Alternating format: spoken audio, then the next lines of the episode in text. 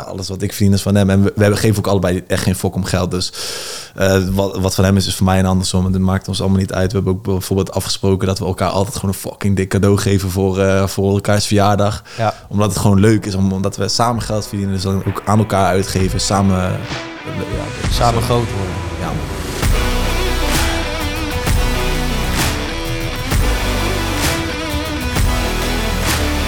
Yes, dames en heren, welkom bij een gloednieuwe aflevering van Racing the Bar. We zijn inmiddels alweer bij aflevering 13. En eh, nou, dat vind ik eh, een heel mooi aantal. Naast mij zit natuurlijk Zeker. weer favoriet van de show, Stef Jansen. Yo, welkom. En mijn... Gaan we nou door me heen praten? Nee, nee. Mijn naam is Bart. Ehm, tegenover ons hebben we wederom een bosse ondernemer. En eh, er zijn genoeg succesvolle bosse ondernemers hier, dat, eh, dat blijkt maar weer. Wij hebben samen met z'n drie op dezelfde middelbare school gezeten. Ja. Ehm, school is iets wat we zo direct meteen gaan bespreken. Eh Levi van der Waarde, welkom. Thanks man, thanks. Goed dat je er bent. Yes. Thanks man. Sowieso, allereerst eh, waardeer ik het echt dat je mij hebt gevraagd. Ik vond het sowieso in het begin even spannend. Mhm. Ja of nee, we hebben een tijdje erover gehad. Ja. Maar ik vind het fucking vet wat jullie doen. En ik ben blij dat ik hier ben man. Thanks. Thanks, dat is echt eh, heel goed om te horen. Laten we er iets moois van maken dan. Nou, dat gaan we sowieso doen. Maar kijk, wij zijn ook gewoon een beetje begonnen met een idee van we vinden het leuk om te doen. En het feit dat eh, mensen dat ook vet vinden om eh, te zien en te horen, dat, dat doen we ons goed. Ja. Dus thanks daarvoor. Ehm, even om nog de introductie af te maken. Jij hebt een heel aantal verschillende dingen geprobeerd. Succesvol ook in geweest in het ondernemen. Waar ben je nu vooral mee bezig? Voordat we teruggaan naar het schoolgedeelte. Ja man, Eh, voornamelijk waar ik nu mee bezig ben. eh, ja, mijn achtergrond is echt voornamelijk in de e-commerce. Zo ben ik begonnen. Doe ik nou nog steeds. Eh, daarnaast help ik ook een grote jongen binnen de e-commerce. met een beetje zijn backend binnen zijn coaching, zeg maar. Ja. Ehm, en ik ben zelf twee, anderhalf jaar geleden ook begonnen met YouTube Automation. Gaan we dadelijk natuurlijk dieper op in. Ehm, en dat is ook een van mijn dingen waar ik nu actief mee bezig ben. Dus die, dringen, die drie dingen ben ik actief mee bezig. Ja. Ik doe natuurlijk alles samen met een eh, compagnon Tommy. Ehm, en dan gaan we daar, daar allemaal dieper op in. Maar hij heeft ook weer zijn eigen dingen. En, eh, maar dat is waar ik mee bezig ben. dingen tegelijkertijd. Het Ja, is, eh, precies. Mooi om te zien dat er een keer iemand tegenover ons zit die het stukje focus ook, nou ja, in ieder geval wat wijder verspreid heeft dan de meeste mensen tegenover ons. Dat is iets waar Ja. wij zelf moeite mee hebben. Maar, maar goed, ehm, stukje school is denk ik eh, mooi om te beginnen. Ja, Ehm Dus waar we alle drie vandaan komen, zeggen we van dat Precies. startpunt. Shout-out eh, Sint-Jans Lyceum. shout-out. Maar ehm, ja, eerst even beginnen dan met wat ben jij gaan doen nadat je daar klaar was? Je hebt daar VWO gedaan. Ja. En toen? Ja, ik ben dus eh, gewoon het VWO binnen zes jaar gedaan. Dus ik was daar klaar toen ik 18 was. Ehm, mijn ouders zitten in de horeca. Eh, mijn broer deed de hotelschool. Dus ze zeiden van ja, als je niet weet wat je wilt studeren, ga maar gewoon hotelschool doen. Ik had geen ene open dag gehad. Ik ben nooit ergens naartoe geweest. Mijn broer had daar plezier. Dus ben ik dat gewoon gaan doen. Ehm, en ik hield wel van uitgaan. Ik, ik wist altijd, ik zei altijd tegen mezelf, wat heel veel mensen zeggen van ja, ik wil later gewoon eigen zaak, ik wil ondernemen, bla bla bla bla. Maar eh, natuurlijk, ja, uiteindelijk moet ergens beginnen. Maar Ja. ehm, toen deed ik dat, hotelschool, vier, vijf maanden gedaan. En het was alleen maar zuipen, studentenvereniging, bla bla bla bla. En dat was niet helemaal mijn ding. Eh, dus daarna vier, vijf maanden mee gestopt. Eh, toen ben ik een half jaar gaan werken bij Ascent als eh, verkoopadviseur. Ehm, dus gewoon klantenservice. Ja. dat vind ik op zich wel redelijk goed toen. Dus dat vond ik wel nice. Dus gewoon een half jaar gedaan. Toen had ik wat geld gespaard. Eh, en daarmee eh, eh, toen op een gegeven moment gestopt met, met studeren. Gestopt met werken. Toen had ik wat geld gespaard. Ehm, en toen ging ik opnieuw studeren bedrijfskunde in Breda. Want ik dacht van ik wil, ik, ik, ik moest echt wat doen van mijn ouders. Ja. Ehm, om in ieder geval bezig te blijven en kon niet niks gaan doen. Mhm. Dus een beetje de standaard natuurlijk, hè? de standaard, juist. Ja. Ehm, maar eh, tegelijkertijd met dat ik in Breda bedrijfskunde ging doen, dat was gewoon een HBO-studie. Ik had natuurlijk VWO gedaan, dus het was allemaal dingen die ik makkelijk kon. Ook hotelschool, ik had altijd voldoendes en ik deed er niet super veel voor. Nee. Maar ehm, ook, ook dat was niet helemaal mijn ding. Maar toen tegelijkertijd met dat ik eh, bedrijfskunde in Breda begon, begon mijn huidige compagnon Tommy eh, met dropshipping. Ja. Eh, en dat had hij eh, vanuit zijn neef. En zijn neef was- weer de compagnon van Joshua Kaats destijds. Ja. Dus wij zaten redelijk dicht bij de bron. Ja. Dus we waren gewoon op een middag aan het chillen. En Tommy kon nooit meer afspreken. hij was altijd aan het werken, altijd aan het werken. Dus ik ging echt vaak appen. En dat was ook een tijd dat we elkaar superveel zagen. Mhm. Dus eh, op een gegeven moment was het helemaal niet meer. Dus ik zeg van, kom even dit doen, kom even dat doen. Hij zei, nee man, ik heb coaching. Nee man, ik moet dit doen. Ja. Dus ik, sowieso wekte dat al wat nieuwsgierigheid bij mij op. Dus op een gegeven moment waren we wel aan het chillen. Toen zei hij van, ja, ik, eh, toen moest hij die avond... eh, hij was alleen maar daarover aan het praten. Op die avond ging hij ook werken daaraan. Mhm. Toen eh, zei ik van, eh, laat het zien, dan liet zijn website zien. Dat vond ik fucking vet. Ja. Dus toen zei ik van, zal ik dat ook gewoon gaan doen? Zei hij, ja man, dat moet je doen. En toen gelijk die cursus gekocht van Joshua Kaats en het gewoon mee aan de slag gegaan. Ja. Toen drie maanden lang allebei ons eigen ding ge- gedaan. En ik had best wel geluk. Ik had na vijf, zes producten die ik had getest, ehm, had ik een winnaar gelijk. Ja. Ik wist helemaal niet hoe ik daarmee om moet- moest gaan. Ik had gewoon een standaard advertentie en die verkocht gewoon redelijk. En hoe lang duurde dat eigenlijk, die vijf, zes eh, testen dan? Ehm, ja, in onze primetime testen Tommy en ik wel 20 plus producten per dag. Maar toen destijds deed ik gewoon alles zelf. Dus toen, eh, toen eh, deed ik één product per week testen. Ja. Eh, maar ik, het, ik, ik nam het helemaal niet serieus. Ik deed Mhm. het gewoon voor de bij, voor de leuk website maken. En iedereen laten zien. Kijk, mijn website. Ja, bla, bla, ja. bla. Je, je is zo super jeugdig. Maar Ja, eh, dat was ook wel echt het begin van het dropshippen. En toen Ja, wist man. ook niet iedereen dat gewoon Shopify website maken in principe vrij simpel is. ja, man. en dan Toen je, was je, het hebt je, je hebt je eigen webshop, weet Ja. je wel. Zwaar dik. Ja. Ja, man. Dus eh, dat ging goed. En toen ehm, had ik die winnaar. En Tommy was al verder dan, dan ik. Dus hij wist beter hoe dat hij met Facebook advertenties om moest gaan. Mhm. Dus hij zei van, eh, laten we samen gaan werken. Dan doe ik via de advertenties. Dan regel Juist. jij gewoon alles rondom de website. Productenlisten, om productomschrijvingen maken. Want ik was natuurlijk een beetje het schooljongetje. Dus ik kon goed Nederlands, goed schrijven, dat soort dingen. En hij was meer de harde werker. Ja. Dus eh, die, ehm, die rolverdeling hadden we aangenomen. En toen eh, ging het gelijk supergoed met dat product. Hele mooie twee maanden gedraaid ermee. Mhm. En ehm, zo ook gelijk doorgepakt. Dus veel blijven testen, veel nieuwe producten.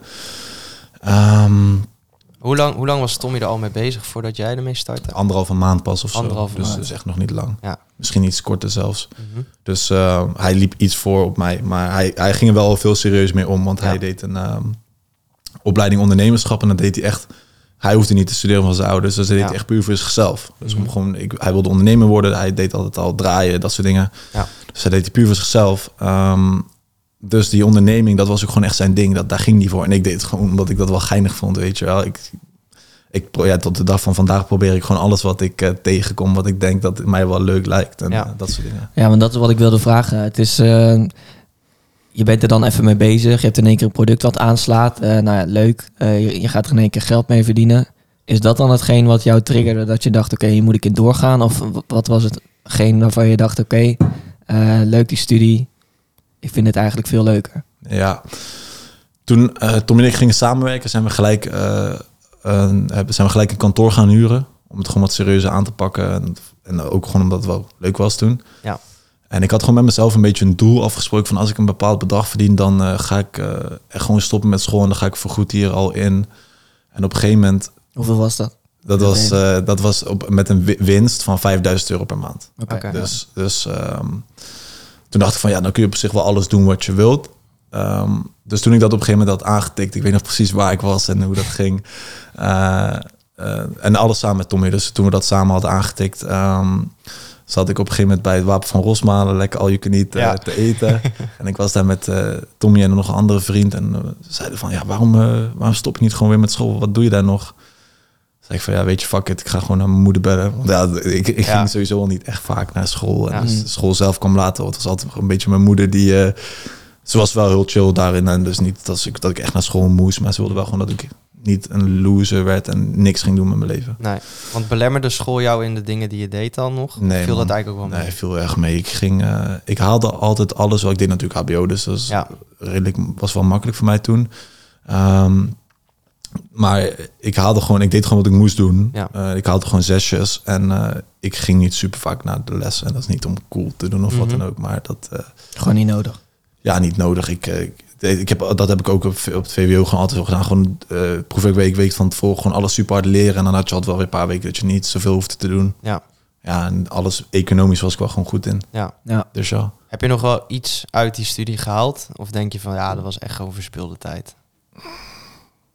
Ja, leuke tijd. Ja. Ik ging met een andere vriend van mij, dus dat ik op die, eh eh op die bedrijfskunde studie in Breda gewoon een leuke tijd gehad met Mhm. hem. En dat is puur door hem, niet door, door dat. Maar nee.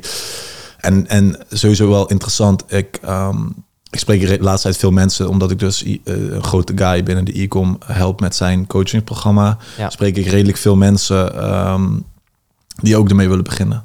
eh, met zijn coaching dus. En laatst vandaag toevallig en de vorige week mensen gesproken die bezig waren met de opleiding e-commerce. Ja. Op het mbo en ik geloof dat het wel mbo was. Ja. En dan vertellen ze mij een beetje waar ze mee bezig zijn. En dan denk ik ook echt van ja, dat is helemaal niet hoe dat het gaat. Weet je wel? Dan zijn ze heel de dag naar data aan het kijken. En natuurlijk, e-commerce is heel veel data.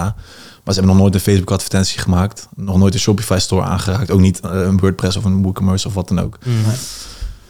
Dus ja, Dat is misschien een mooi bruggetje naar die discussie waar we Ja, het want- eh, eerder over hadden. We hebben eh, een jaar geleden of zo, denk ik, heb ik eh, jou toen gecontact omdat ik voor mijn eigen kanaal toen nog een eh, podcast wilde starten. En dat kanaal was een beetje zelfontwikkeling gerelateerd. ja. Eh, ik wilde gewoon een podcast starten om mensen te spreken over gewoon nou, eh, het beste uit jezelf halen. En dat is uiteindelijk deze podcast geworden. Ehm, en toen vroeg jij volgens mij aan mij van, ja, wat, doe, wat doe jij nu? Toen zei ik, ja, ik ben nog aan het studeren. Dus, ik heb nu tentamens, dus best wel druk, bla bla bla. Toen vroeg ik van, ja, maar waarom studeer jij dan eigenlijk nog? Ja. Zoiets vroeg je aan Ja, klopt man. Ja, want ik zag dat jij, ik, ik vond sowieso echt fucking vet wat je allemaal deed op YouTube, al die content. Dat was, want ik was mezelf daar ook heel erg in aan het verdiepen. En, Ja. en, en eh, dippen, dat je zo naar- in het, in het koude water ging. Ja, ja, ja. En ehm, een week eh, zonder telefoon en Ja. dat soort dingen. Dat zijn dingen die ik ook allemaal doe. Ehm, gewoon puur om te testen van wat doet dat met mij. Ja. Ehm, ook wel leuk om dadelijk nog even verder op in te gaan. Dat, dat zeg ik nu alvast. Ja. Ik heb bijvoorbeeld al mijn social media verwijderd. Mhm. Maar dat is voor dadelijk. Maar ehm, waarom ik dat zei, ik dacht van ja, dan jij bent ook aan het ondernemen. eh, en ik had gewoon zoiets van ja, als je onderneemt, dan, dan hoef je in principe niet naar school. En ik, dat, dat is natuurlijk heel, heel erg direct om het zo te zeggen, want dat kan natuurlijk wel. Alleen dat was gewoon mijn perceptie. Dat is mijn perceptie in principe. Dus daarom dat ik dat zei. En toen hebben we daar natuurlijk Ja. een hele discussie, of geen discussie, maar een, een interessant gesprek over gehad. Ja. Zeker. En ik denk dat, ehm, dat we die discussie op zich hier ook nog even met eh Stef erbij kunnen voeren. Want Ja, Ja. ja. Ehm, tuurlijk, als je begint met een studie, is dat vaak omdat je of denkt, dit vakgebied lijkt me interessant. Ja. Of je denkt, de studie zelf is interessant. Mhm. Of je hebt geen alternatief. Ja. Ja. Bij mijn geval was het eigenlijk eh, de eerste studie die ik koos. Ik heb geen alternatief. En van mijn ouders mag ik niet een tussenjaar nemen, want die weten dat ik dan het hele jaar in bed ga liggen. Ja. Want zo was ik toen nog wel, toen ik net Ja, bij mij van de middelbare school kwam. Eh, nou ja, dan kom je erachter tijdens die studie van oké, ik vind het eigenlijk helemaal niks. Eh, en toen ben ik begonnen eigenlijk met ondernemen daarnaast. ja. Waarna ik dacht, eigenlijk vind ik dit gewoon veel leuker. Ik heb geen bedrijfseconomie of economie op eh, de middelbare school gehad. Mhm. Maar ik vind dit super boeiend. Dus ik ga bedrijfseconomie studeren om toch iets gerelateerd eraan te doen. En om eh, een soort van eh, het uit te stellen dat je echt in het diepe springt en geen backup meer hebt. Dat was voor mij meer de gedachte achter het studeren. Ik ben wel benieuwd hoe dat bij jou is gegaan. Ehm, ja, bij mij was het nou, redelijk vergelijkbaar, maar ik was begonnen met een eh, studie in Arnhem. Ook bouwkunde, dat is hetzelfde als wat ik nu studeer nog. Mhm. Ehm, en daarin was ik na een paar maanden al zoiets van, oh shit, dit is eigenlijk wel, kost me heel veel energie en tijd. En de plek, ik zit er niet helemaal lekker in hier. Ik denk dat ik eigenlijk gewoon hier niet meer wil zijn. En toen Ja. eh, naar mijn ouders gegaan, gezegd van ja, luister, ik heb misschien de verkeerde studiekeuze gemaakt. Ik wil het nog best wel even proberen, maar ik denk niet dat dit het voor mij is. Toen ben ik na drie maanden dus gestopt daar en toen heb ik de rest van het jaar eh, eigenlijk gewoon fulltime als, eh, ja, het was geen verkoopmedewerker, maar uh, bij de Jumbo gewerkt. En toen begon weer het nieuwe studiejaar en toen ben ik opnieuw begonnen met bouwkunde. Alleen dan wel in Den Bosch. En ja, dat is wat ik tot nu toe ook nog steeds, eh, nog steeds doe. Ja. En wat ik na twee jaar wel merkte was dat ik... ehm, ik had niet zoveel motivatie altijd voor school. Ik stelde het vaak uit. Ehm, ik, ik, ik, ik dacht gewoon, ja, ik wil gewoon leuke dingen doen. Dus ik besteed daar liever mijn tijd aan. En toen eh, op een gegeven moment was het een beetje zo van, ja, eigenlijk heb ik gewoon de afgelopen twee jaar net, net gehaald. Het is één grote warboel. Ik moet allemaal dingen nog inhalen. Propedeuse niet gehaald. Tweede jaar, gewoon een heel blok was ik niet naar school geweest. Dus ik had daarin ook een heleboel achterstand opgelopen. Maar even tussendoor, had je na die twee jaar het idee van oké, ik ben ergens verder in gekomen waar ik ook iets aan heb gehad? Want dat is Ehm, eigenlijk de vraag waar het tot, natuurlijk tot, dan toen niet. Maar toen kwam op een gegeven moment eh, mijn stage. En toen merkte ik zeg maar hoe het in de praktijk eraan toe ging. En dat vond ik super interessant. En toen dacht ik ook, ja, ik heb nu twee jaar echt alleen maar theorie gehad. Ehm, ik moet het gewoon wel afmaken, want ik heb gewoon zoiets van ja, dan heb ik in ieder geval gewoon een papiertje. Ik weet dat ik het kan, en alleen ik heb gewoon al die tijd niet genoeg energie erin gestoken. Ja. En op papiertje, dat is, eh, dat is het hele ding voor heel veel mensen. Ja, ja, En ja, je hoort denk- het ook gewoon veel om je heen, zeg maar. Als je dan zou zeggen van ja, ik, ik zit wel te twijfelen dat ik zou stoppen. Mhm. Ja, nee, maak het nog even af. Je bent Ja. toch al over de helft. En als je Ja. al bent begonnen, dan heb je die extra reisvergoeding die er in één keer weer bovenop komt. Ja. Voor je schulden nog hoger. Ja. Ja. Ehm, Want dat is natuurlijk ook nog een ding, hè? Die, die studieschuld waar heel veel mensen gewoon vanuit gaan van dat hoort bij het leven. Waar ik Mhm. het echt totaal niet mee eens ben, want het hoort helemaal niet bij het leven. Nee. maar Maar eigenlijk dat is veel mensen wel gewoon heel normaal. Maar eh, ook wat je zegt over dat papiertje ehm, als backup. Uiteindelijk denk ik daarvan, aangezien we in Nederland wonen eh, en er zijn, je kan in principe altijd overal werken. Ja. En als je zegt van ja, ik kan geen baan vinden, dan, dan, dan ben je gewoon, dat, daar ben ik het niet mee eens, want je kan altijd overal werken. Ja. Je kan altijd in principe wel afwassen of in de horeca terecht Precies. of uh, Ja, een klantenservice job Of doen. je het leuk vindt is een tweede, maar dat is Mhm. voor heel veel mensen natuurlijk het geval. Puur om geld te verdienen. Dus die backup heb je sowieso altijd. Vind ik. Ehm, en met een papiertje is dan de backup dat je iets meer verdient. Maar ja, als je gewoon zoiets hebt van... Ja, ik vind het een beetje moeilijk te zeggen. eh, moeilijk uit te leggen. Ehm, maar als je veel mensen die zeggen van... Ja, ik wil gewoon ondernemen, maar eerst ga ik studeren. Dat, dat vind ik sowieso een, een, een gekke. De gekke combinatie. Mhm. Ehm, goed dan dat je ook tegelijkertijd begint. En eh, wat ik natuurlijk ook deed. En als het dan goed gaat, kun je stoppen met studeren. Want Ja. je moet ook natuurlijk de mensen om je heen tevreden houden. Ja. Mhm. Uh, maar ik spreek ook heel veel mensen die, eh, die nu studeren en die willen dan gaan ondernemen. En dan zeggen ze na een onderneming. Eh, na, na hun Na studie. studie. Ja. Dat vind ik raar. Dat vind ik gewoon gek. Van, Ja, en dat, dat snap ik op zich wel. Want in principe wat je net zegt, je zadelt jezelf op met een studieschuld. Als je dat nou gewoon eh, al van tevoren even uitrekent. Als ik nu ga studeren, hoeveel ben ik dan kwijt? Oké, dat wordt dus nu mijn leergeld als het ware om te gaan ondernemen. Dat Ja. kan natuurlijk ook. Mhm. En het enige verschil is dan dus, als je uiteindelijk door je leergeld heen bent en je hebt het niet gehaald, als het ware, of je bent nog niet succesvol, Ja. dan heb je niet meer dat papiertje wat je anders dus wel hebt. Ja.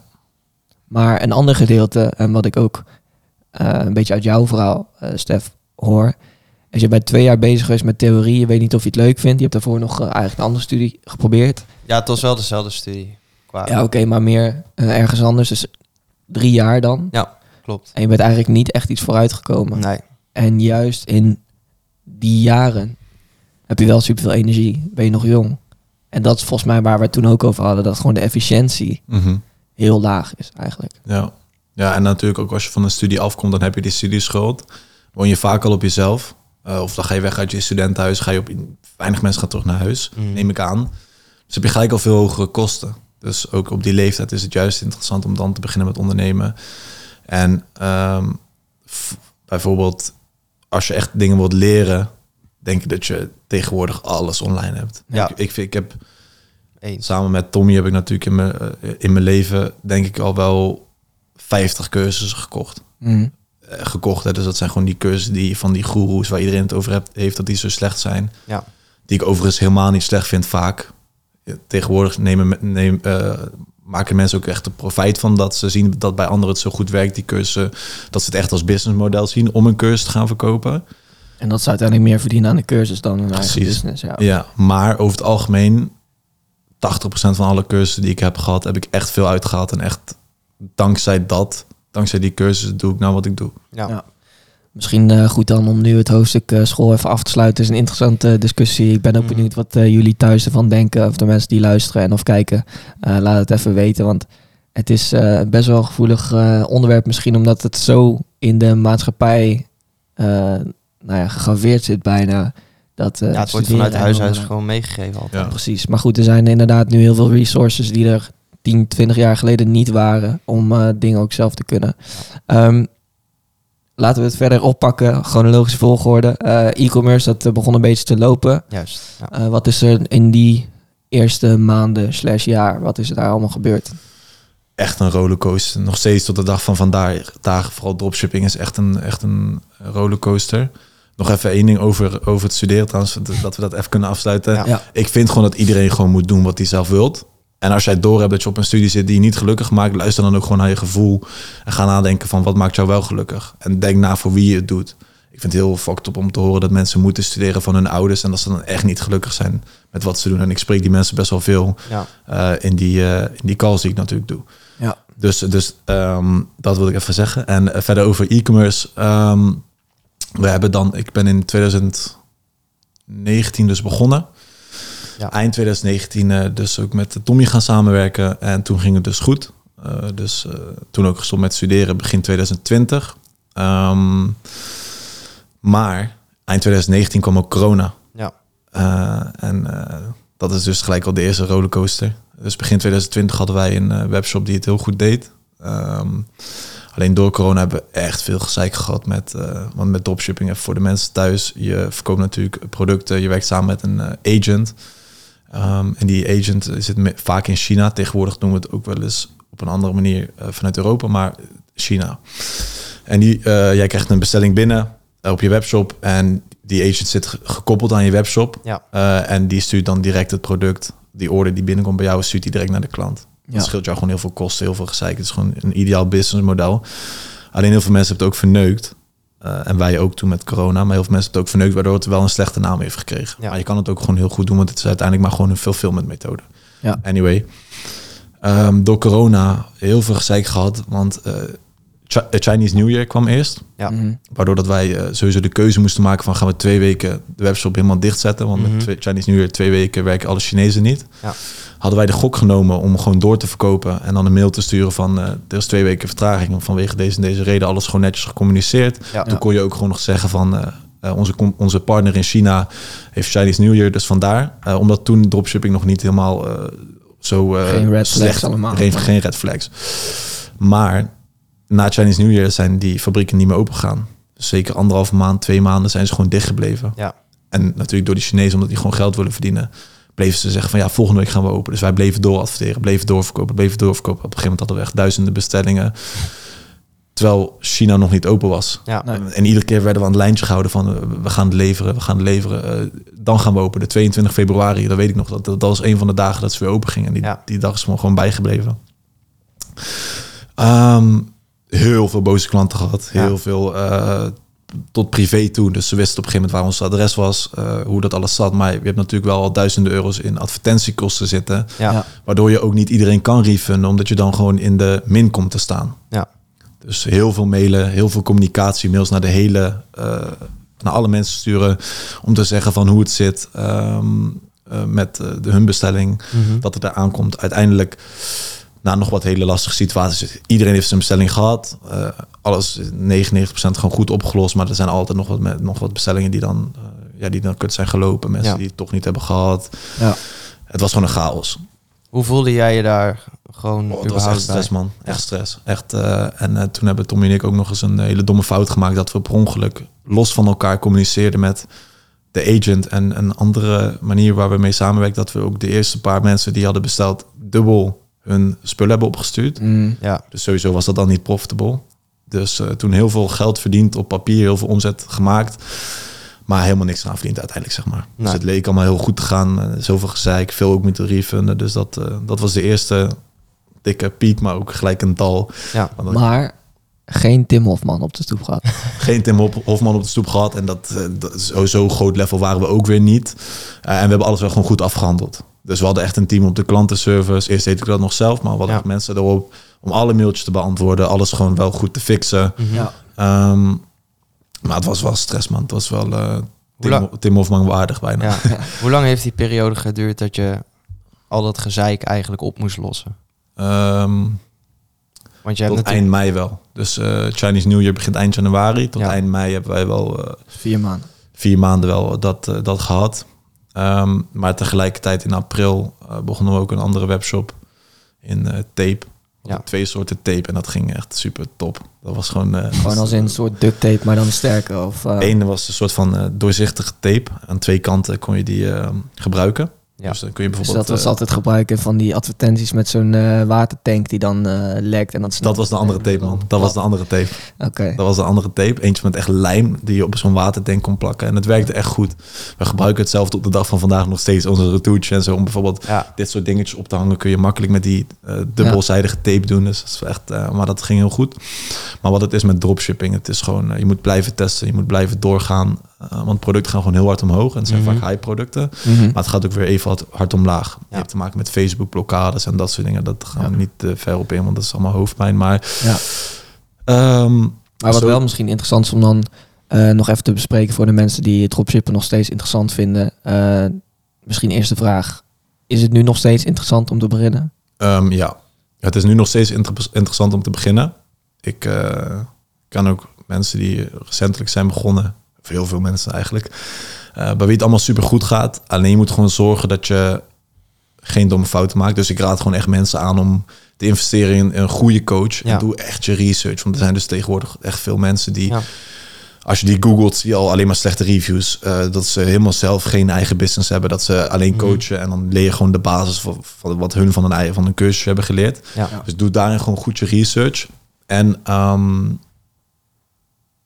ja, kijk ook naar andere businessmodellen. Ja. Kijk ook naar andere businessmodellen. Maar e-com is wel uiteindelijk hoe dat ik ben begonnen. Dus ik, eh. En we doen het tot de dag van vandaag nog steeds. Ja, Even iets wat mij eh, te binnen schoot. ik had eigenlijk eerst nog een... eh, die vraag die ik net stelde Ja. was eigenlijk een soort van vraag van tevoren. Want de echte vraag is...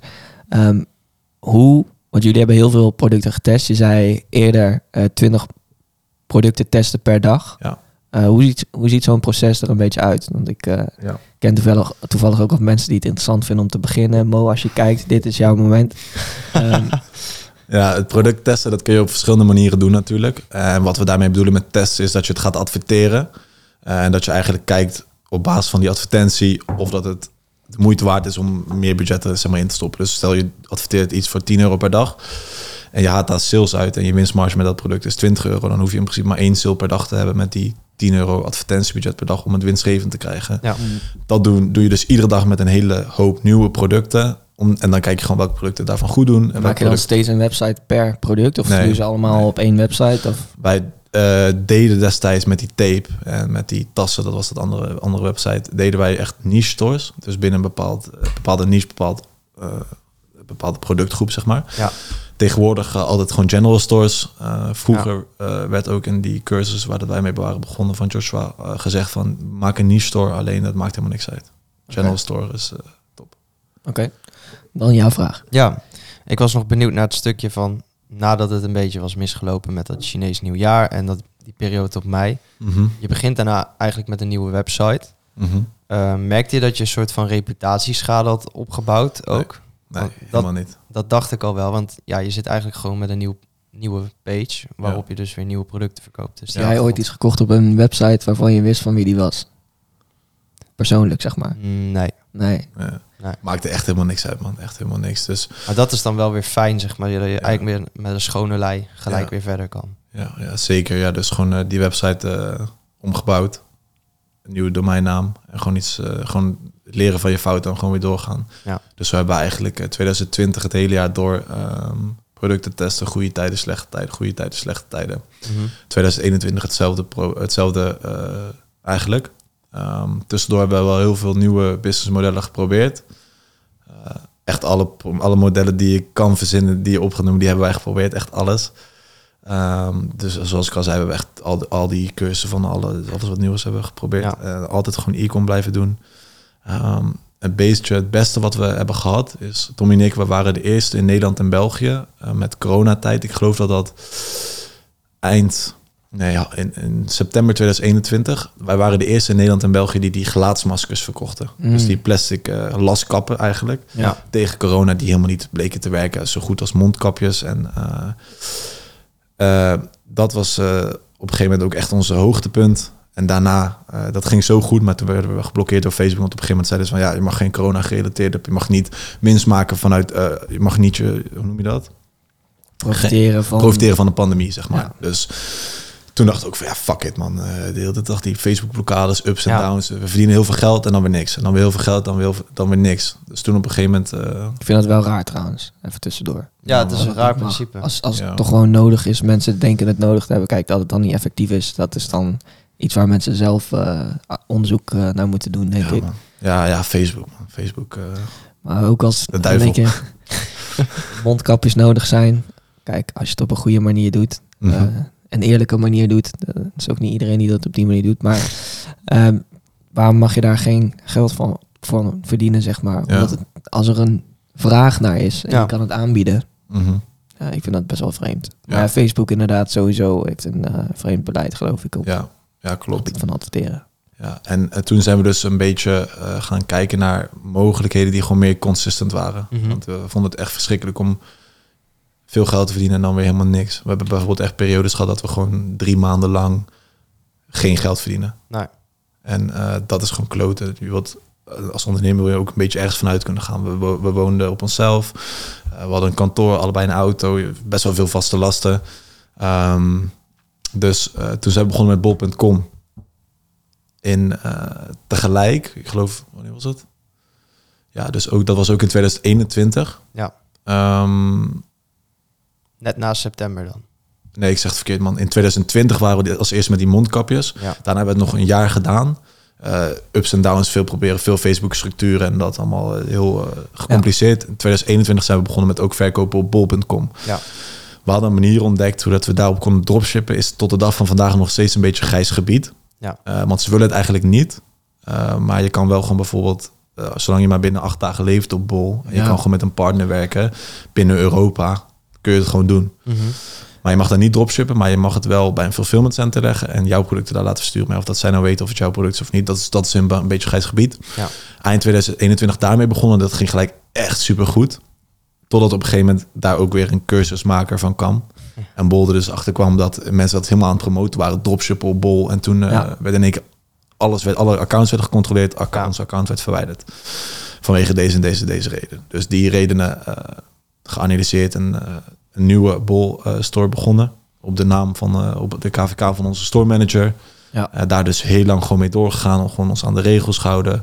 Ehm, alleen dat werkte nadat we waren verwijderd, werkte dat gewoon niet meer zo goed als toen eh, ze er nog niet achter waren, zeg maar. Ja. Ehm, dus dat doen we tot de dag van vandaag ook nog steeds. Ehm, en dan zitten we alweer eind 2021, begin 2022. Dus begin 2022 werd die store verwijderd. En toen begonnen we met, die- met die, die KVK van onze store manager. Ja. Alleen dat ging gewoon niet zo super goed. Dus toen, was het, toen gingen we echt veel kijken naar andere dingen. Toen is Tommy heel erg begonnen met eh Mhm. Eh, dus met trading bots. Ehm, eh, je hebt standaard trading bots. Tommy, sorry als ik het verkeerd uitleg, man, maar je hebt standaard trading bots. En ehm, van, eh, je kan de trading bot hier halen. Je hebt bijvoorbeeld een IE-bot van een pauw. En je hebt iemand anders heeft weer zo'n bot. En daarbinnen heb je een set file. En als je die set files aanpast, dan is het een soort van gepersonaliseerde bot voor jou. Ja. En die kun je dan gebruiken om daar geld mee te verdienen door die bot te laten traden. Ja, even, we- misschien voor de kijkers. Het is eigenlijk gewoon een soort template die je kan gebruiken om het naar je eigen hand te zetten. En Mhm. daarmee heb je je Ja, ja. eigen... Instellingen aanpassen. Juist, ware. precies. Juist, Ja. precies. Ehm, en wat het dan interessant maakt, is dat wij werken met funded accounts. Dus als je bewijst dat je goed kan traden, en dat doet die bot natuurlijk allemaal, maar dan wel met Tommy's en settings, Ja. Mhm. ehm, dan kun je funding krijgen. Dus dan eh, kun je bijvoorbeeld 2 ton, of 4 ton of 100.000 euro om mee te traden En dat krijg je dan van? Eh, van een prop firm. En dat is gewoon een groot bedrijf eh, met veel vermogen. Eh, je moet natuurlijk eerst bewijzen dus dat je het kan. Maar dat grote bedrijf geeft jou dan dat geld. En je kan het niet gelijk binnen en dat je het gelijk kan uitgeven. Het is echt Nee, alleen nee. binnen een account. Je kan er niks mee doen. Ehm, dus hij is daar helemaal mee verder gegaan tot de dag van vandaag. En dat gaat nu sinds kort re- redelijk. Dus dat is mooi. En Nou, ongeveer een jaar. ja, een jaar. En in 2022 ben ik ehm, meer gaan focussen op YouTube. YouTube automation. En wat je dan doet is, je filmt niet jezelf of zo. Nee. Maar je, eh, je werkt samen met een team. Ehm, dus ik heb een scriptwriter, een voice-over, een video-editor en een thumbnail maker. Die voor mij video's maken. En dan Ja. maak ik video's over. Ik heb video's gemaakt over de UFC, over Tesla, over eh, SpaceX. Een beetje onderwerpen die gewoon interessant zijn of een hype. Ja. En wat je dan eigenlijk wilt, is je maakt informatieve video's daarover. Eh, die mensen gewoon kijken. Ik weet 100% zeker, jullie ook allebei. Iedereen heeft wel eens een cash cow of een YouTube animation Ja, video gekeken weten. van top 10 snelste auto's. Mhm. Of doe dit om ehm, succesvol te worden bijvoorbeeld. Zeven Meestal zijn het die mega clickbait titels. En Ja, man. met eh, Ja. de mooie voice You won't believe what happened. Ja. Dat soort eh, dingen, ja man. Ja. Dus eh, dat doe ik eh, nu. Eh, E-commerce loopt nog steeds door. We hebben nog steeds dropship webshops, nog steeds op bol.com. Eh, maar we hebben daar dus een team op zitten van klantenservice, medewerkers, eh, mensen die eh, de store zeg maar runnen, dus een store manager. Ja. En eh, advertenties doet Tommy altijd wel nog zelf. Dus die echt maken. En dat vindt hij ook echt leuk om te doen. Dus dat doet hij naast eh, zijn Forex algoritmes. Ja. Maar de rest is allemaal is de man van de cijfers. Hij is echt de man van de cijfers. Ehm, dus adverteren, alle data, dat is, dat is zijn ding. Ehm, en daarnaast, buiten dus dat ik YouTube automation doe, help ik dus die e-com guy met zijn coaching. Ja. Eh, dus met ehm, eh, nieuwe mensen eh, die daar komen, alles uitleggen natuurlijk. Eh, kijken of het voor hun interessant is. Ehm, en binnen de coaching zelf ook. Hoe, Ja. eh, hoe ben je daarin benaderd? In dat Ik heb hem gewoon benaderd, man. Oké. Want dat was ook een periode, dus begin 2022, dat wij gewoon, zo waar we het net ook voor deze, voordat we echt live gingen over hebben gehad, er moet ook gewoon geld binnenkomen, weet je wel. Ja. Mm. De bolster werd eruit gegooid, uh, dropshipping liep altijd wel nog door, maar we moesten gewoon consistent iets hebben. Ja. En hij was een grote naam. Ik had hem eh, in het echt gezien, toen dacht ik van, ik ga gewoon kijken wat daar eh, mogelijk is.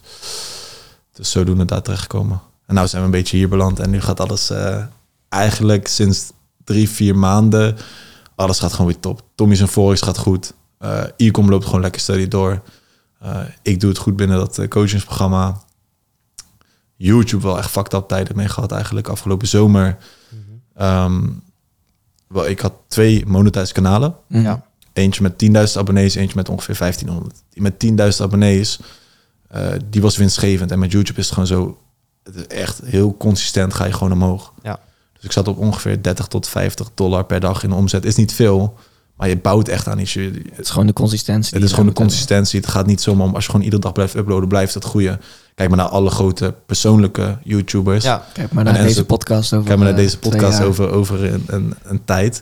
Uh, als je het gewoon consistent volhoudt, dan blijft het groeien. Dus, dus dat was fantastisch. Alleen toen ben ik dat kanaal kwijtgeraakt vanwege copyright strikes. Ja. Dus mijn uh, scriptwriter die nam, nam letterlijk één op één dingen over van blogs. Ja. En het is mijn fout, want ik kan gewoon plagiaat checken bij wat hij doet. Ja. Maar ik vertrouwde, het was een haar trouwens, ik vertrouwde haar gewoon. Ja. Uh, en dat is een goede fout die ik heb gemaakt. Dus de 10.000 abonnees account kwijtgeraakt. En uh, ja man, nu nog alleen door met die van 1500. En dus ik ben daar ook echt twee, drie maanden mee gestopt. Ja. Dat gewoon de moed zakte me in de schoen. Ik dacht, fuck die YouTube, als het zo makkelijk van me kon worden afgenomen. Ja. Maar ik zag wel echt de potentie ervan. Dus nu, uh, nu gewoon weer met het ene kanaal uh, volle bak uh, iedere dag video's uploaden man. En, en dat gaat gewoon consistent omhoog. Dus dat en daarom nice. word je ook gecoacht? Um, ik heb verschillende cursussen, cursussen daarvoor genomen. Ik heb van twee grote dropshippers hun cursus gehaald omdat ik hun ken. Ik heb een cursus van... is het gek als ik namen noem of zo? Of maakt het niet uit? Nee, ik heb die van Jeline. Ja, die heb ik ook. En ik heb ook de cursus van Wanner. En ja. dan ook nog die van Lucien en Florian. Mm -hmm. Dus zoals ik zei, veel cursussen genomen. Maar omdat wij met Tom en ik natuurlijk ook heel erg in dat wereldje zitten van e-com, van al die uh, goeroes, we kennen ze ook allemaal. krijgen we ook gewoon vaak wat toegang van, joh, hier, uh, check even de cursus. Want zij moeten natuurlijk in het begin ook studenten hebben. Ja. Omdat anders de allereerste student komt in een lege cursus, is een beetje gek. Maar Ja. dus uh, die, um, en ik word vooral veel geholpen door Wanner. Ja. Ja. Oké. Wat ik wel uh, even een heel interessant ding vind, is als je nu terugkijkt op jouw uh, afgelopen ja, vier, vier en een half jaar. Mm -hmm. um, begint nu een beetje stabiel te worden, heb ik het idee. En daarvoor is het heel veel ups en downs geweest. Ja, man. Ja. Hoe ga je daarmee om? Boah, het was echt, echt, uh, echt niet leuk. Maar nu ook wel weer heel leuk om op terug te kijken, man. Dus we hebben echt uh, op papier gewoon duizend euro's in de min gestaan. Ja. Um, dus niet op dat moment, maar dat er wel nog kosten aankwamen. En van, oh, de, oh shit. En we hebben ook uh, duizenden euro's per dag verdiend in de goede tijden. Ja. Dus uh, het is echt een gekke rollercoaster. Maar het is niet leuk, man. Het is niet leuk uh, om echt zo te gaan met je inkomsten. Want je, moet, je hebt gewoon vaste lasten en je wilt gewoon ergens vanuit kunnen gaan. Ja. Maar uiteindelijk is het ondernemen, je, man. Als je een paar keer op een dag verdient en de dag daarna weer. En dan op een gegeven moment dan ga je toch een gevoel krijgen van oké, okay, dit is wel leuk, maar mijn levensstijl die moet ook wel even dan een upgrade meekrijgen.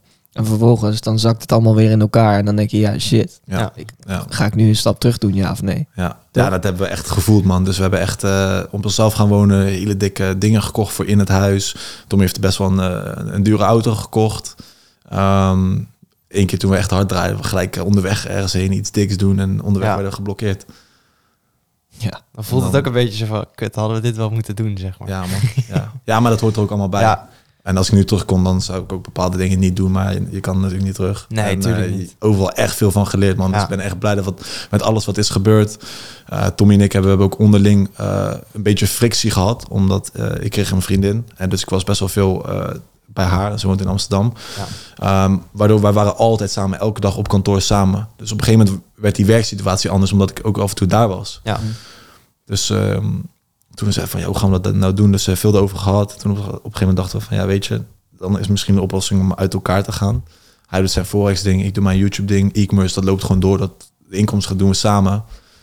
Maar uiteindelijk, weet je, we vertrouwen elkaar blindelings. En Ja. toen, toen, toen ik met iets geld begon te verdienen en hij met iets geld begon te verdienen, dacht ik ook van, ja, fuck it. Ja. Wat jij verdient is voor, mij en wat ik verdien is ook voor hem. Dus nu doen we gewoon weer alles samen. Hij doet zijn ding, ik doe mijn ding. Maar alsnog sharen we gewoon alles. En dat, Ja. dat vind ik fucking vet, man. Ja. gemeenschap van goederen. Ja, man. Ja, letterlijk. Dus alles, alles geld wat ik verdien ehm, met eh, bijvoorbeeld eh, ehm, YouTube is ook gewoon van hem, terwijl hij daar niks voor doet. En al het Nee. geld wat hij van Forex verdient is ook gewoon voor mij. En ik heb er echt geen verstand van. Ik weet, Kost eh, ook. Kosten alles. Alles. We, we, we sharen echt alles, man. Behalve, behalve elkaars vriendin. ja, man. Dus, mooi, man. eh, Ja, dus ja, ik ben, ben daar wel blij mee. En ja, dat snap ik. Het is ook fijn om iemand te hebben in die goede tijden. Om alles mee te delen. Ja. Maar ook in die slechte tijden. Juist dan. Ja. Ja, en ik denk ook juist als je dat allebei samen hebt meegemaakt, dat dan je band die je hebt en wat je zegt, het vertrouwen, en dat ga je met niemand anders op zo'nzelfde level hebben. Want als je, als je weet hoe het is om met iemand goede dagen te hebben, maar ook als je weet hoe het is om half in paniek te zijn omdat je in één keer allemaal shit moet betalen en je hebt geen geld, Ja, man. dat is wel eh, ja, die uiterste. Ik denk dat het wel de waarheid zeg maar naar boven brengt. heb, je, heb je wel getwijfeld, zeg maar, van oké, ik denk nu wel dat het eigenlijk klaar is, zeg maar. Het is zoveel wrijving, eh, dit gaat niet de goede kant op. Klaar met wat? Met ondernemen? Of Nou ja, dat die, die relatie die je met Tommy hebt, zeg maar. Dat Ja, ja, en tot op dat punt waren we ook gekomen. Ja. We waren ook echt daarvan, eh, weet je, ook echt dat we zeiden elkaar van, ja, weet je, ik hou echt van je eh, als, als partner natuurlijk, eh, als business partner. Ja.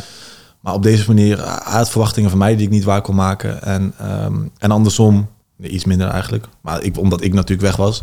Ja. Ehm, maar dat, dat levert gewoon frictie op en dan moet je ook gewoon een keuze maken. Ja. Allebei ons eigen ding gaan doen. Maar als het dan weer goed gaat, dan heb je ook weer zoiets van... Weet je, we zijn broeders, man. Ja. Eh, hoe gaan we niet alles sharen? We hebben vier jaar lang alles samen gedaan. We- Ja. Alles wat ik verdien is van hem. En we, we hebben- geven ook allebei echt geen fok om geld. Dus eh, wat, wat van hem is, is voor mij en andersom. En dat maakt ons allemaal niet uit. We hebben ook bijvoorbeeld afgesproken dat we elkaar altijd gewoon een fucking dik cadeau geven voor, eh, voor elkaars verjaardag. Ja. Omdat het gewoon leuk is. om- Omdat we samen geld verdienen. Dus dan ook aan elkaar uitgeven. Samen... eh, ja, dat, Samen zo- groot worden. Ja, man. Dat is wel Ja. mooi. En ook al onze investeringen die we doen, crypto, eh, Mhm. Eh, ook forex, bots, die je los kan doen. Dus dat je niet eraan hoeft te werken. Die investeringen, eh, aandelen, dat allemaal doen we ook gewoon allemaal samen. Ja. Alles. Ja. Dat is super mooi, want je hoort ja, ook wel als advies van, van mensen die zeg maar in het ondernemerswereldje zitten van ja, begin nou niet met vrienden te ondernemen, want dan kan je je vriendschap mee kwijtraken. Ja, man. En het is toch mooi dat het bij jullie lukt en dat het ja. Ja. volhoudend is, zeg maar. Ja. Ja, ja, zeker, ja, zeker. Maar onze vriendschap is nu ook heel anders dan hoe dat het was voordat we samen gingen ondernemen. Tuurlijk. Ja. Maar je hele we- mindset is natuurlijk ook compleet ja, veranderd. precies. Ja, ja, ja. Maar dan ben je wel allebei door hetzelfde proces heen gegaan. Mhm, mhm. En Dat, dat, is iets- ook, dat is ook wat je natuurlijk ook uiteindelijk samenhoudt. ja. Absoluut. Want we veranderen allebei wel heel erg. Hoe Mhm. dat ik nu ben en een jaar geleden was het heel erg verschillend. En voor hem ook. En helemaal nu vergeleken met toen we net begonnen. Ja.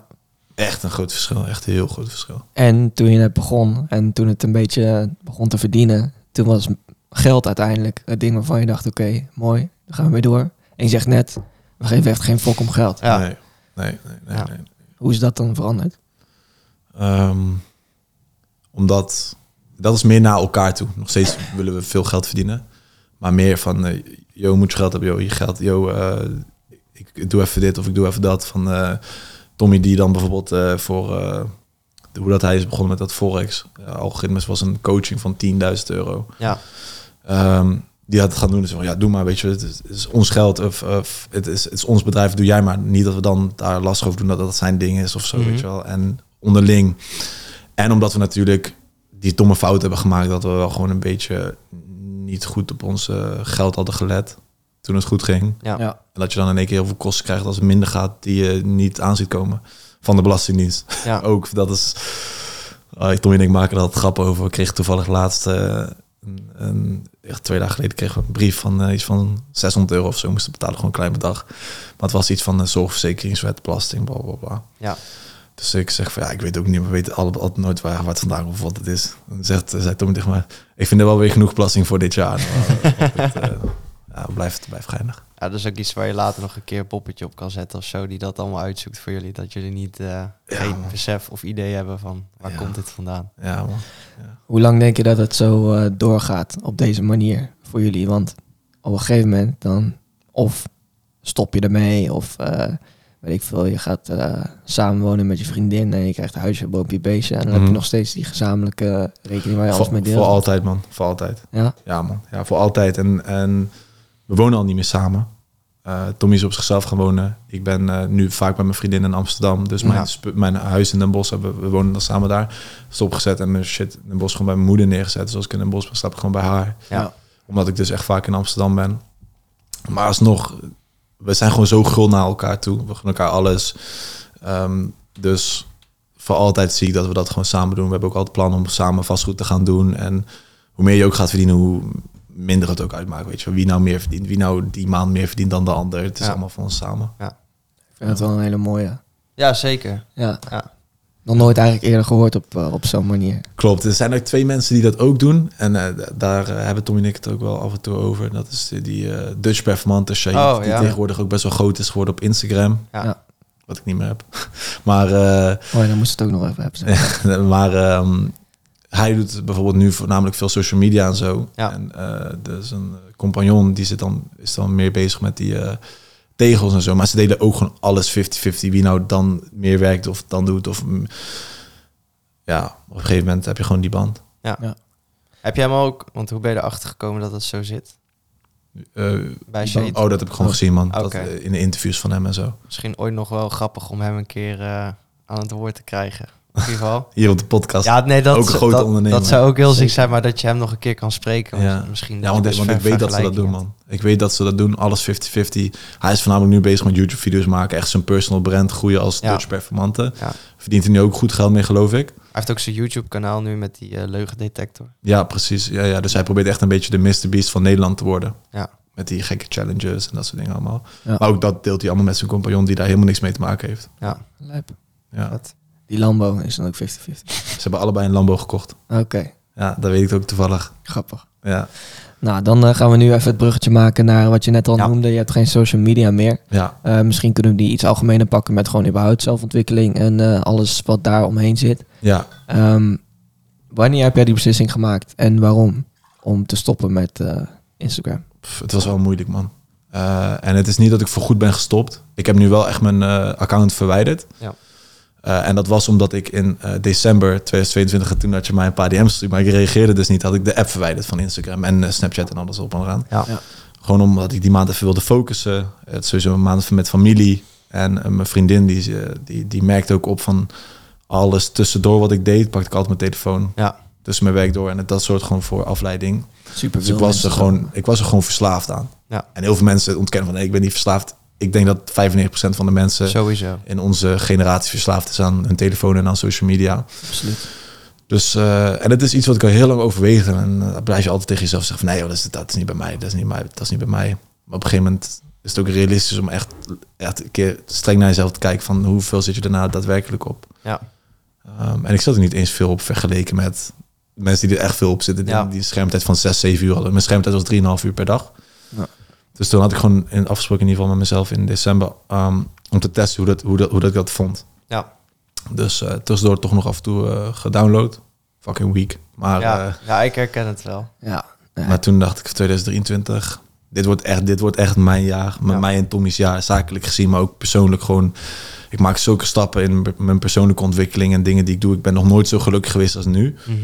Dus ik had gewoon mijn social media verwijderd, ook mede dankzij Maarten, die twee, Twee, podcast, ja. Twee afleveringen hiervoor op de podcast is geweest. Check die ook sowieso. Ja. Ehm, hij is daar ook heel erg veel mee bezig. Ehm, dus toen gewoon verwijderd, mijn accounts verwijderd. Dacht, fuck it, nou ga ik het gewoon niet doen. Ja. Tot de dag van vandaag niet meer opgezeten. En weet je wat het is? Ik vind het echt nice, man. Ik mis het helemaal niet, terwijl ik echt had verwacht dat ik het mis. En ik heb nu ook, als ik mijn vrienden zie, eh, dat, is, eh, dat ik daar echt gewoon veel meer plezier en veel meer waarde uit haal. Dat, dat ik het echt leuk vind om ze te zien, weet Ja. je wel. Want ik zie ze evenveel als voorheen. Mhm. En het is al niet veel, omdat ik natuurlijk veel eh, bezig ben en druk en eh, Ja. andere prioriteiten.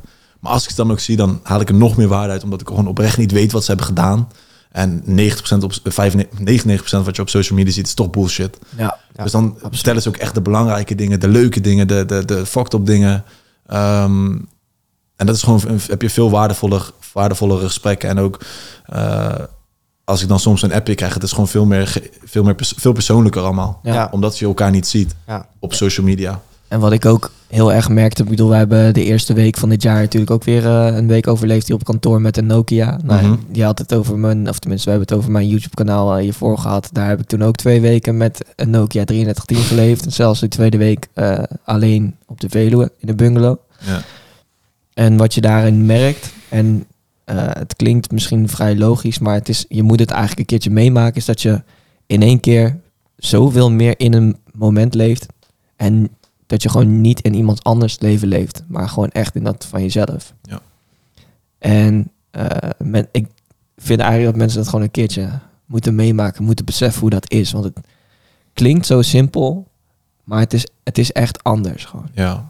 Ja, ik vind sowieso, als je dit kijkt of luistert, als je op je eh, schermtijd kijkt en je zit meer dan een uur per dag op je social media, dat je het gewoon moet gaan proberen. Ja. Kijk, ik, bijvoorbeeld mijn, mijn eh, stiefvader en mijn moeder, die zitten iedere dag eh, vijf minuutjes, tien minuutjes op hun social media, Ja. schermtijd van anderhalf uur. Dan heb je dat niet nodig, weet je wel. Dan, dan, dan is het niet zo waardevol. Maar ik denk dat mensen, Nou, onze generatie. onze generatie, ik zat er bijna wel een uur per dag op. Ja. En mijn schermtijd nu is gewoon twee uurtjes per dag. Ja. Veel al met werk. Mhm. Ja. Het is gewoon nice. En Ja. ja. dan, dan genie- ik, ik ben echt, echt eh Ja, op het top is, van mijn game nu, man. Het is vaak ook het, eh, het enige, ja, of hetgeen wat je als eerste pakt, je telefoon, je wekker gaat af of zo. Dan ga je al Ja. die meldingen checken. Ja, Ja. je wordt dus af en toe ook best wel gek van dat je eerst al die dingen moet checken voordat Ja. je iets anders kunt gaan doen. Ik denk dat ik daarover dit jaar nog een eh, video in die stijl van eh, dat kanaal toen ga release op deze. Dus Ja. dan eh, is dat alvast eh, benoemd. Ik ben er ooit aan begonnen, maar eh, die gaat ook nog wel een keer komen. Ehm, ik heb trouwens ook een nieuwe app. Ik weet niet, volgens mij heet die OneSec. Daar had je het van de week over. Daar Ja. had ik het inderdaad van de week over. Ehm, dat is een app en die werkt samen met eh, je opdrachten-app in eh, iPhones. En op het moment dat ik nu dus elke keer eh, Instagram aantik, komt er eerst een scherm daarvoor, automatisch, die acht seconden een balkje vult en dan weer leeg laat. En dan komt er een quote in beeld met ehm, bijvoorbeeld neem even rustig adem. Of eh, ik heb dan zelf eentje ingevuld, dat was dan ook weer... ehm, Je hebt al zo vaak vandaag op de app gezeten. ja, dat staat er dan ook bij. Krijg je een overzicht met... Zo vaak heb je de afgelopen 24 uur al gekeken. Dit was de laatste keer dat je hebt gekeken. En dan komt er een schermpje met... Ik wil naar Instagram of ik wil niet naar Instagram. Ja. En wat dat eigenlijk doet is... ehm, het haalt gewoon het hele automatisme systeem Ja. eruit. Mhm. En dat heb ik dan in, in die video's van social media en zo toen ook uitgelegd. Eh, hoe dat systeem in elkaar zit, wat veel wordt gebruikt. Eh, dat is eigenlijk het uh, hoekmodel. Ik denk dat het boek daarachter ook nog ergens ligt. Ehm, Ja. De onderste. dan. Maar zeg maar, het, het wordt een automatisme. En dat merk je vaak. Oké, eh, ik, ik verveel me even, telefoon erbij pakken. Eh, Instagram aantikken.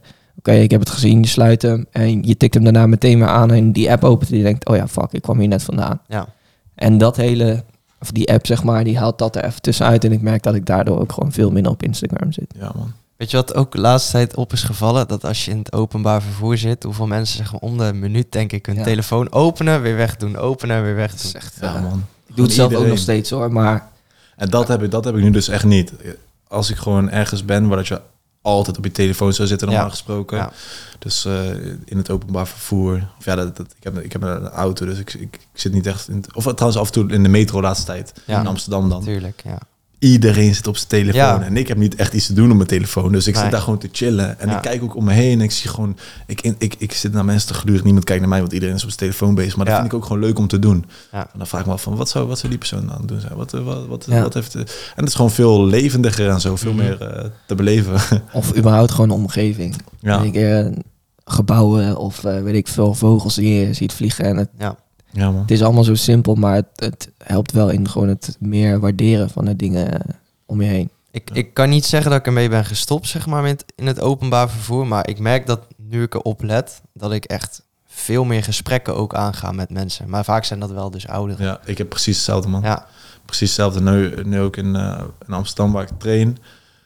Veel meer mensen, omdat in de gym zit ik ook nooit meer tussendoor op mijn, eh, op mijn telefoon. Ik luister muziek. Ja. Maar in tussen de sets door, dan kijk ik gewoon een beetje om me heen. Kijk wat andere mensen aan doen zijn. Veel meer mensen met wie ik nu ook praat en zo. ja En- dat is superleuk. Ja, vooral ook oudere mensen die Ja. natuurlijk niet op social media zitten. Maar dat vind Ja. ik ook Ja. echt, echt leuk, man. Ja. Ja, dat is natuurlijk ook wat wel vaker wordt gezegd van eh, we zijn in principe meer connected dan ooit.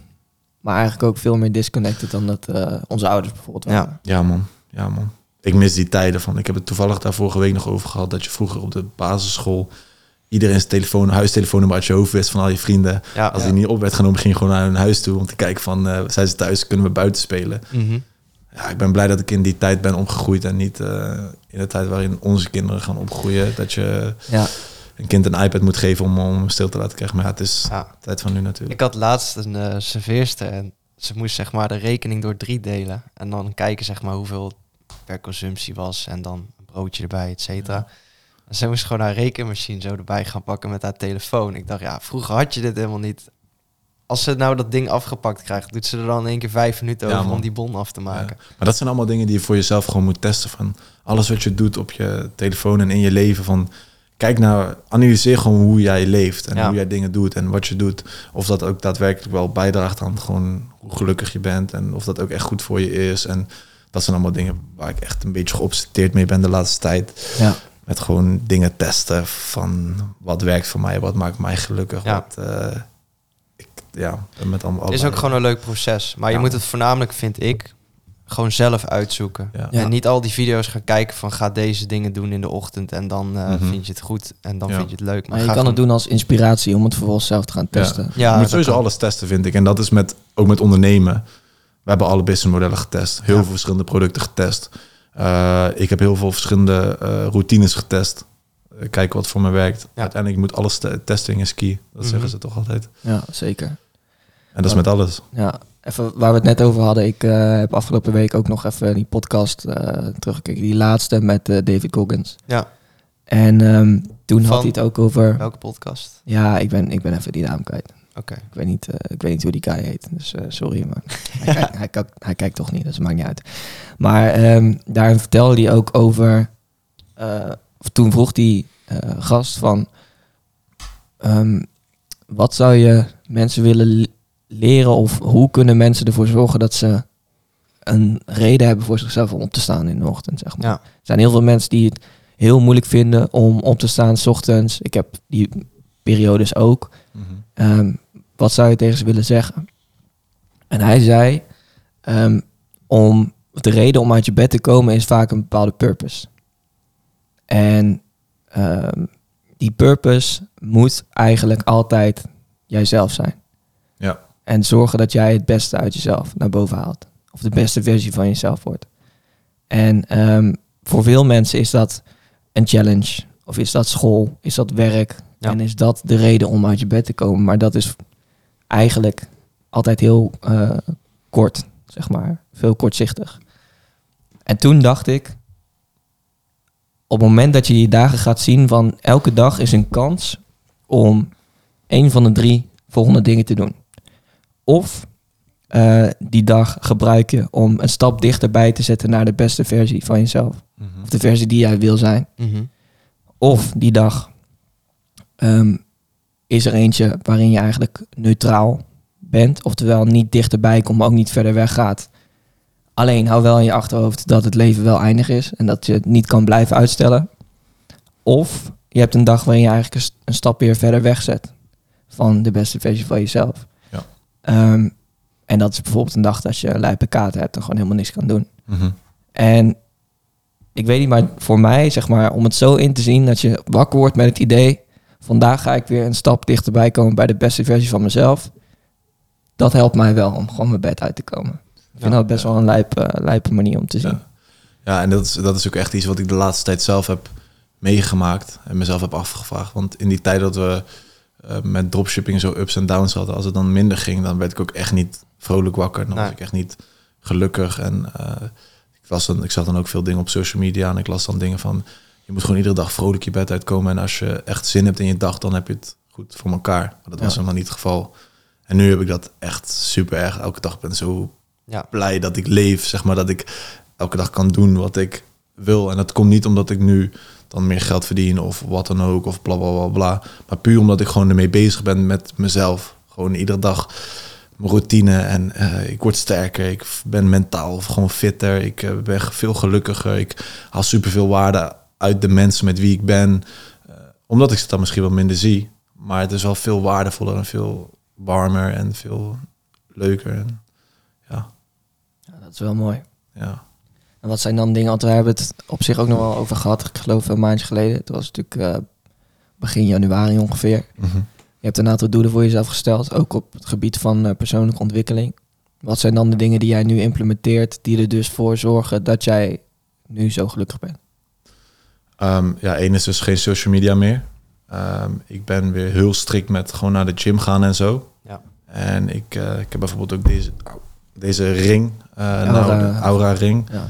waarin ik eh, echt kan zien van hoe ik slaap en dat soort dingen. En dat probeer ik helemaal te optimaliseren. En ik vind het fucking vet om dan te kijken van, ik heb heel weinig remslaap. En dan Ja. zijn er weer bepaalde supplementen en dingen die je kan doen om dat weer te verhogen. Mijn diepe slaap is goed. Mijn- hoe, hoe snel ik in slaap val is goed. Eh, alles is gewoon prima. Ik snurk niet of wat dan ook. Mhm. Ik gebruik ook die gekke tools van eh, Maarten met dat. eh, Ja. Dat pleistertje. ja, man, dat, eh, dat doe ik ook. Dan moet je Eh, zeker volgende week de podcast gaan checken. Dat is goed. Ik een, eh, nou, ik ga het nog niet helemaal verklappen, maar het heeft met, eh, iets met slaap te maken. Nice man, nice. Ja, dus, eh, dus daar ben ik heel veel mee bezig. Wat was ook weer de vraag? Ja, wat voor dingen je dus implementeert in Oh, je ja. dagelijks leven om zo gelukkig te zijn. Ja man, dus... ehm, en vooral, echt een heel belangrijk ding, gewoon elke dag doen wat ik wil. Elke dag doen wat ik wil. Als ik iets echt kut vind of wat dan ook, dan doe ik het gewoon niet. Of dan zorg ik gewoon voor een manier om... eh, het klinkt misschien een beetje egoïstisch, om, maar om, iemand anders het te laten doen. Ja. Dus ook met werk. Heel veel dingen besteden Tommy en ik gewoon uit. Eh, maar dat kan ook met de kleinste dingen. Eh, vroeger was ik altijd nog wel van, ja, oké, dan doe ik wel iets tegen mijn zin in of wat dan ook. Ja.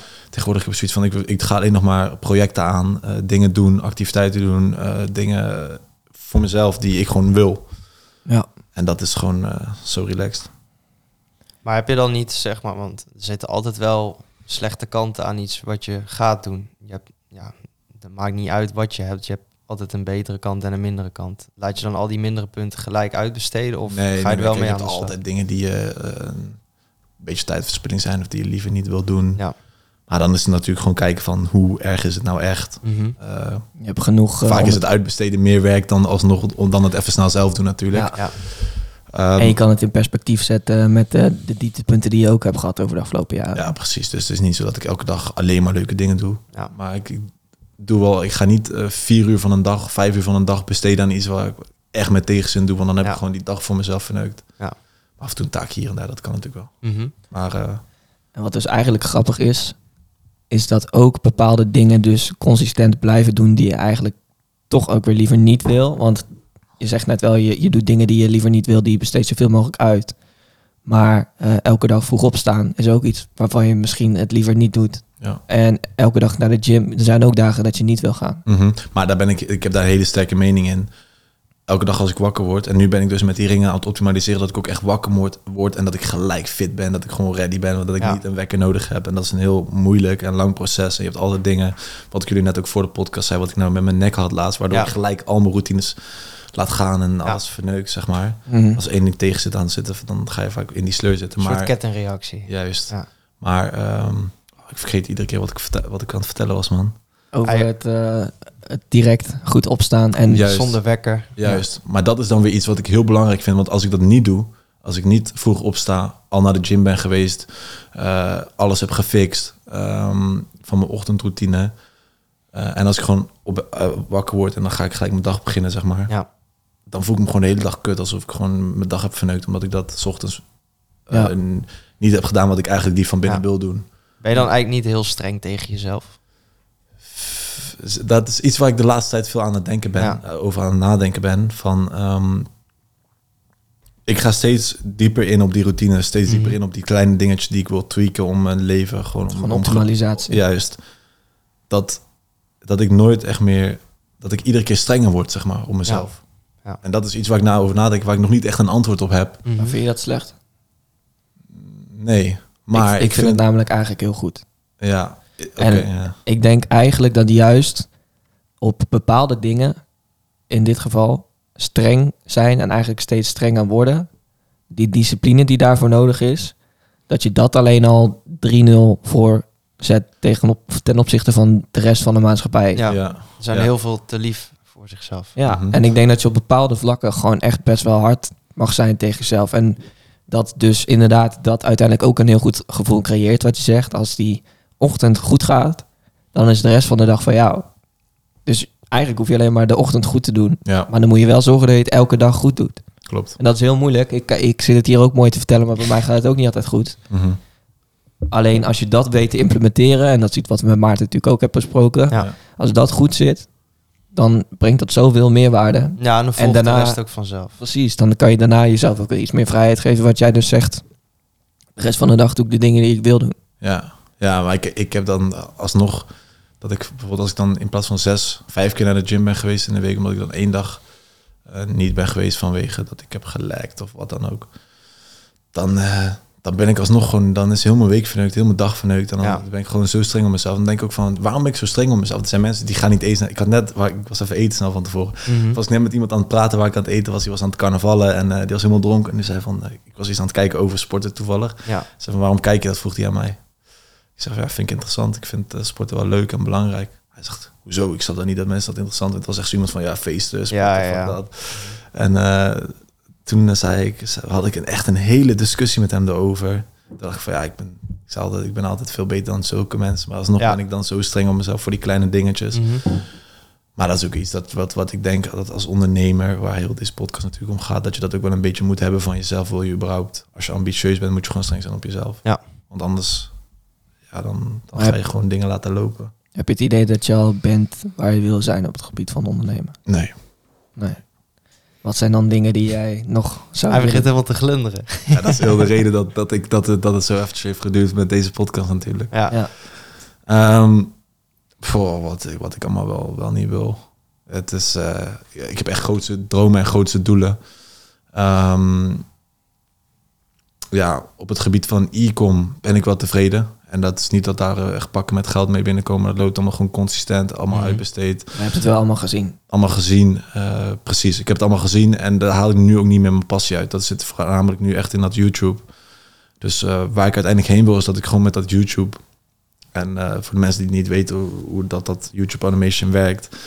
Er zijn echt mensen die hebben een kanaal eh, met meerdere miljoenen subscribers. En die kanalen lopen helemaal automatisch. Er zitten teams op die alles maken. En die eigenaren kunnen in principe gewoon chillen. Ja. En dat levert gewoon echt tonnen per maand op. Als het allemaal goed gaat, natuurlijk. Die betalen 50 dollar voor een video en er komt eh, een paar duizend voor terug. En dan komt elke dag een video van online of Ja, precies. Ja, precies. En dat is een beetje de situa- situatie waar ik naartoe wil. Eh, want als je op een gegeven moment die cashflow hebt, dan heb je ook, dan kun je dat geld gelijk weer herinvesteren om, dat is waar ik nu met Tommy veel over heb, direct heel veel nieuwe niches te proberen. Dus als we Mhm. iedere dag vijf of tien nieuwe kanalen maken, iedere dag tien video's op uploaden, tien video's op tien nieuwe kanalen, kun je gelijk zien welke van die tien, als je iedere keer één op de tien kanalen goed loopt, heb je iedere week een nieuw kanaal. Ja. Ja. Want je ziet gelijk welke niche een beetje aanslaan. En dan kun je daar gewoon op doorpakken. En zo kun je gewoon echt hard schalen.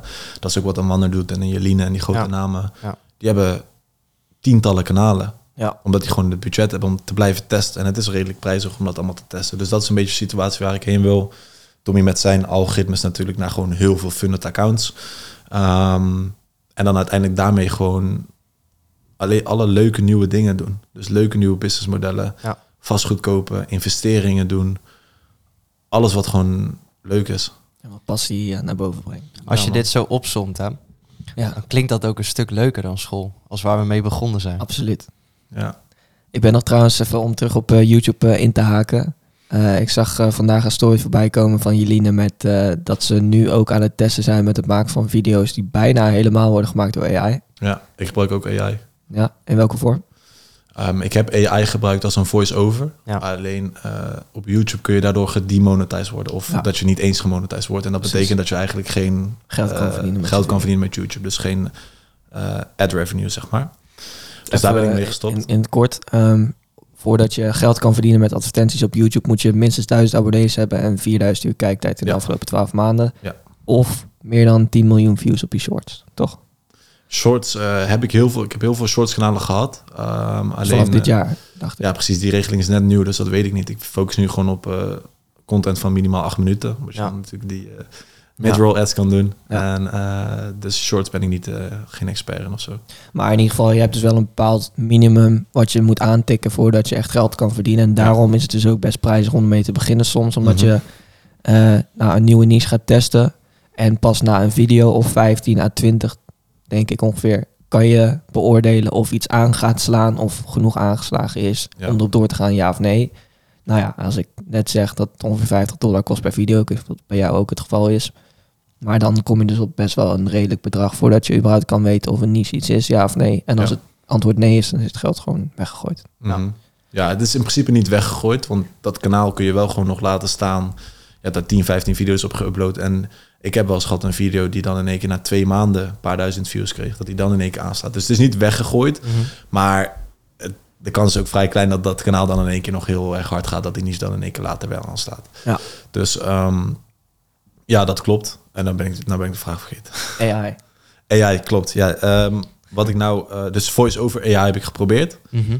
Ehm, wat ik nu enkel nog gebruik van maak is met eh, ChatGPT, wat heel veel mensen waarschijnlijk kennen. Ik gebruik dat dan niet meer. Nu ben ik overgegaan op Casper AI. Mhm. Dat is eh, 25 euro per maand. En dat is een betere dan ChatGPT, want ChatGPT is toch niet helemaal ideaal. Het loopt een beetje achter. En eh, als je een content wil hebben van een script van ongeveer 1500 woorden, dan gaat hij heel veel en toen, en toen, en Mhm. toen, en toen. Dat, dat, dat format is gewoon niet zo mooi. Ehm, dus daar maak ik nu gebruik van. Dus ik, heb, eh, ik, doe dat door middel van AI. En dan heb ik alsnog een scriptwriter die alles proefreadt, Ja. het interessanter maakt en gewoon dingetjes toevoegt.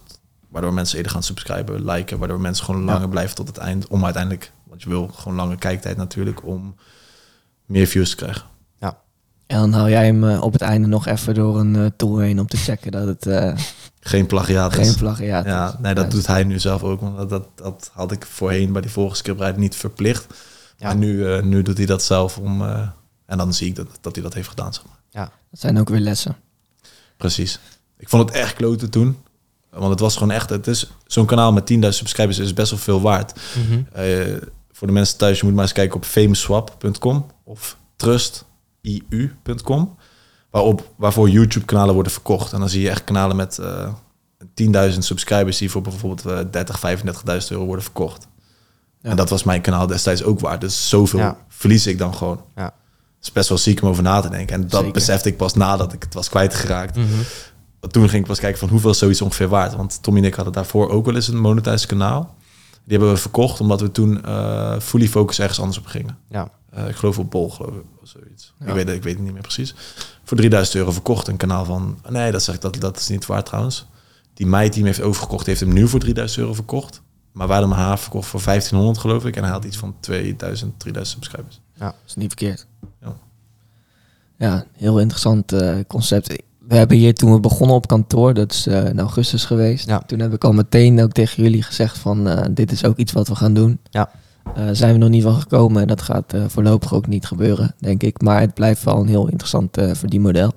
Ehm, even op die lessen nog inhakend. Ik vertelde ook al voor de podcast, wij staan eigenlijk voor het delen van de lessen op basis van ervaring aan de jonge beginnende ondernemers of ambitieuze mensen die willen beginnen met ondernemen.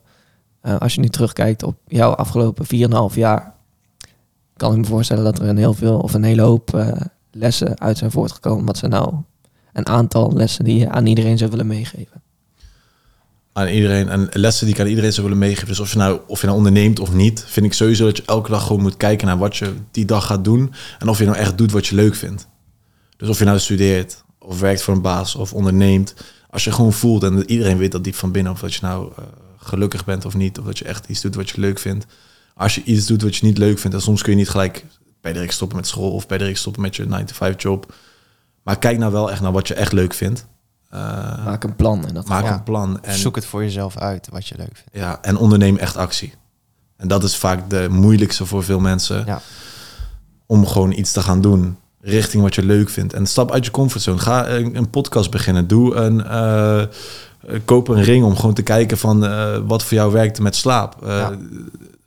Ik ben zelf eh, nu heel veel met dat soort... Ook dat ik hier kom is ook uit mijn comfortzone. Om gewoon te Ja. kijken van... Misschien is dat wel iets wat ik fucking vet vind. En de laatste tijd zat ik zelfs ook nog veel te denken aan van... Ik zie dus wat die e-com guy doet eh, met zijn personal brand. Hij heeft Ja. redelijk veel volgers en daarmee kan hij gewoon heel veel geld verdienen door middel van een community te beginnen of door Ja. middel van zijn kennis te delen. Dus ik te denken van ja, dat is ook wel interessant om echt een groot personal brand te hebben. Want als je een beetje bekend bent en je hebt de juiste following als in mensen met geld, ondernemers.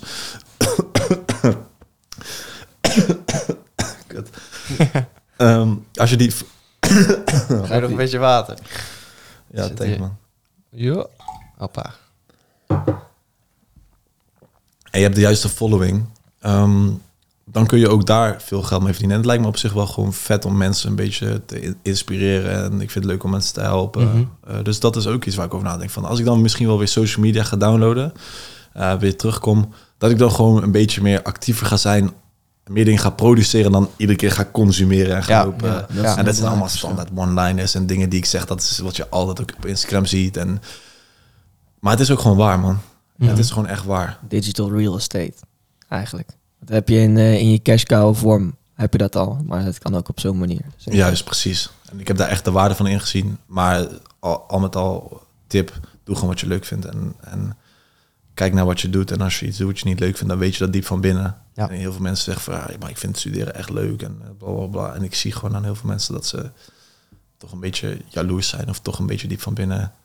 En dat is helemaal niet erg. Want het is ook niet makkelijk om in één keer ergens te komen waar dat iemand anders is. Maar Nee. stel jezelf kwetsbaar op. Vraag aan iemand van...